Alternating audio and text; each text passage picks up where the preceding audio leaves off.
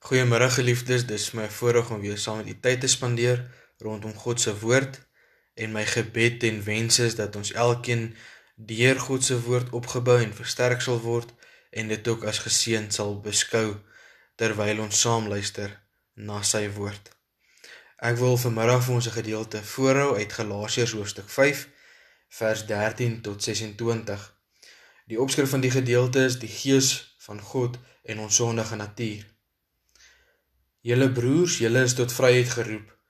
Moet net nie julle vryheid misbruik as 'n verskoning om sonde te doen nie, maar dien mekaar in liefde.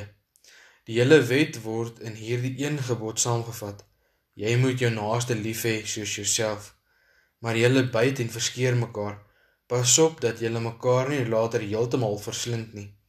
Wat ek bedoel is dit: laat julle lewe steeds deur die Gees van God beheers word dan sal julle nooit soeg voor die begeertes van julle sondige natuur nie. Wat ons sondige natuur begeer, is in stryd met wat die Gees wil. En wat die Gees wil, is in stryd met wat ons sondige natuur begeer. Hierdie twee staan lynreg teenoor mekaar. En daarom kan julle nie doen wat julle graag wil nie. Maar as julle julle deur die Gees laat lei, staan julle nie meer onder die wet nie.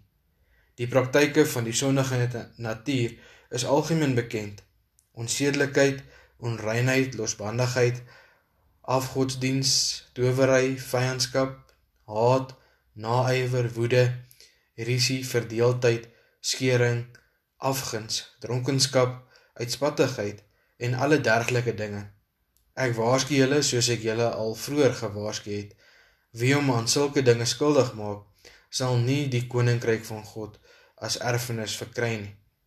Die vrug van die Gees daarteenoor is liefde, vreugde, vrede, geduld, vriendelikheid, goedhartigheid, getrouheid, nederigheid en selfbeheersing. Teen sulke dinge het die wet niks nie. Die wat aan Christus Jesus behoort, het hulle sondige natuur met al sy hartstogte en begeertes gekruisig. Ons lewe deur die Gees, laat die Gees nou ook ons gedrag bepaal. Ons moenie verwaand wees, mekaar uittart of op mekaar afgunstig wees nie. Ons skriflesing vanmiddag tot sover. Geliefdes, ek wil by enkele gedagtes stil staan uit die gedeelte wat ons saam gelees het. Die eerste is ons eerste vers wat ons saam gelees het waar Paulus baie duidelik aan die gelowiges kom sê dat ons tot vryheid geroep is. Vryheid deur die Gees deur God en deur Jesus Christus. Maar daar word vir ons gesê ons moenie ons vryheid misbruik nie en deur die vryheid tot versoeking kom om verder in ons sonde te volhard nie. Maar ons mekaar dien met liefde. En dan die baie belangrike gebod wat Jesus self aan ons kom leer het is jy moet jou naaste lief hê soos jouself. Ons weet dat voor hierdie gebod is daar ook die gebod wat sê jy moet die Here jou God lief hê met jou hele hart, siel, krag en verstand en dan jy moet jou naaste lief hê soos jouself. Die nuwe gebod, die liefdesgebod wat Christus self aan ons kom bekend maak het, wat die hele omvang van die wet kom vasvat. Dan word daar verder gegaan en vir ons gesê dat dit wat die Gees wil en dit wat ons na sondige natuur wil, lynreg teenoor mekaar staan. Dis een of die ander. Ons kan nie beide verwelkom en uitleef in ons lewe nie.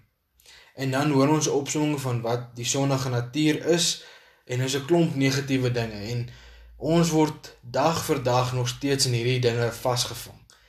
Ehm um, en ons moet daarteen waak en ons het vir die Here vra, gee ons die krag, lei ons deur u Gees om ons oë oop te maak daarvoor en daarteen te waak en weg te bly daarvan.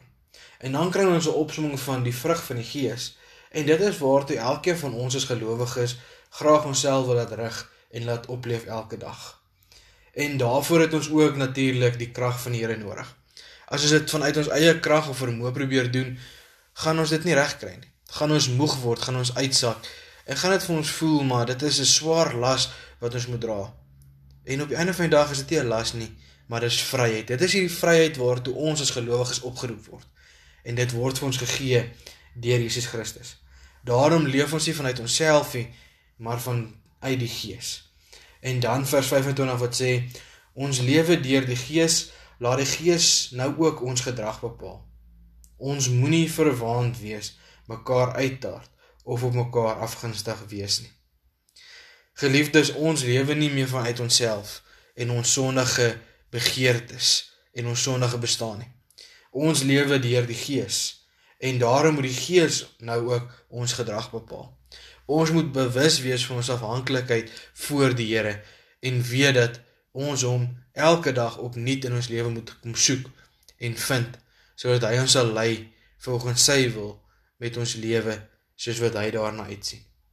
En dit sal ons lei om nie verwaand te wees nie, om nie mekaar uit te tart en mekaar afgunstig te wees nie, want ons sal besef hierdie vryheid wat ons geniet deur die Gees, deur God ons Vader en sy seun Jesus Christus is bloot genade wat hy vir ons kom aanbied uit sy hand. Mag ons gefokus wees op 'n lewe deur die Gees en waak teen ons sondige begeertes en lewe. Geliefdes, kom ons vind krag en sterkte in die wete ons is opgeroep tot vryheid. Maar met ons vryheid kom ook 'n groot stuk verantwoordelikheid deur die Gees. Kom ons word saamstel in gebed. Here, dankie vir u woord. Dankie dat ons dit oop in ons hand mag hê, saam daaruit kan lees, saam daar kan nadink en kan hoor, Here, dat u by ons is, dat u vir ons 'n nuwe lewe moontlik maak. Dat ons nie meer in ons sondige manier van lewe en bestaan meer vasgevang hoef te wees nie. Maar dat ons elke dag opnuut vanuit u gees kan uitsien na 'n vrye lewe. 'n Lewe wat getuig van die vrug wat u Gees in ons lewe 'n werklikheid maak. Here kom help ons om ons afhanklikheid te besef binne die genade wat u vir ons gee. Dat ons sal besef ons kan dit net onsself doen nie. Ons kort u krag, ons kort u leiding, ons kort u onderskeiding in ons lewe. Here kom hou ons gefokus op die Gees. Kom help ons om werklik hierdie liefde na ons naaste toe uit te leef omdat ons besef u het eerste u liefde aan ons kom bewys deur die seun Jesus Christus. Here daar waar ons kort kom, daar waar ons val, daar waar ons struikel, tel ons op. Kom wys vir ons die pad wat u wil hê ons moet loop. Here kom help ons om nie net na onsself te kyk nie, maar almal anders rondom ons. Dat ons al hande vat en mekaar sal sterk maak. Omdat ons weet ons word saamgebind deur die Gees. Here, ons wil vir U dankie sê vir dit wat ons uit U hand het ontvang. Dankie vir die uitkoms wat U vir ons gee. Dankie vir 'n nuwe dag wat ons kan vier, kan geniet. Ontvang die lof en die eer daarvoor. Ons dankie opnuut vandag vir U liefde en U genade. Here, wees by ons, beskerm bewaar ons en hou ons veilig in U Vaderhand. Ons bid dit in U naam alleen. Amen.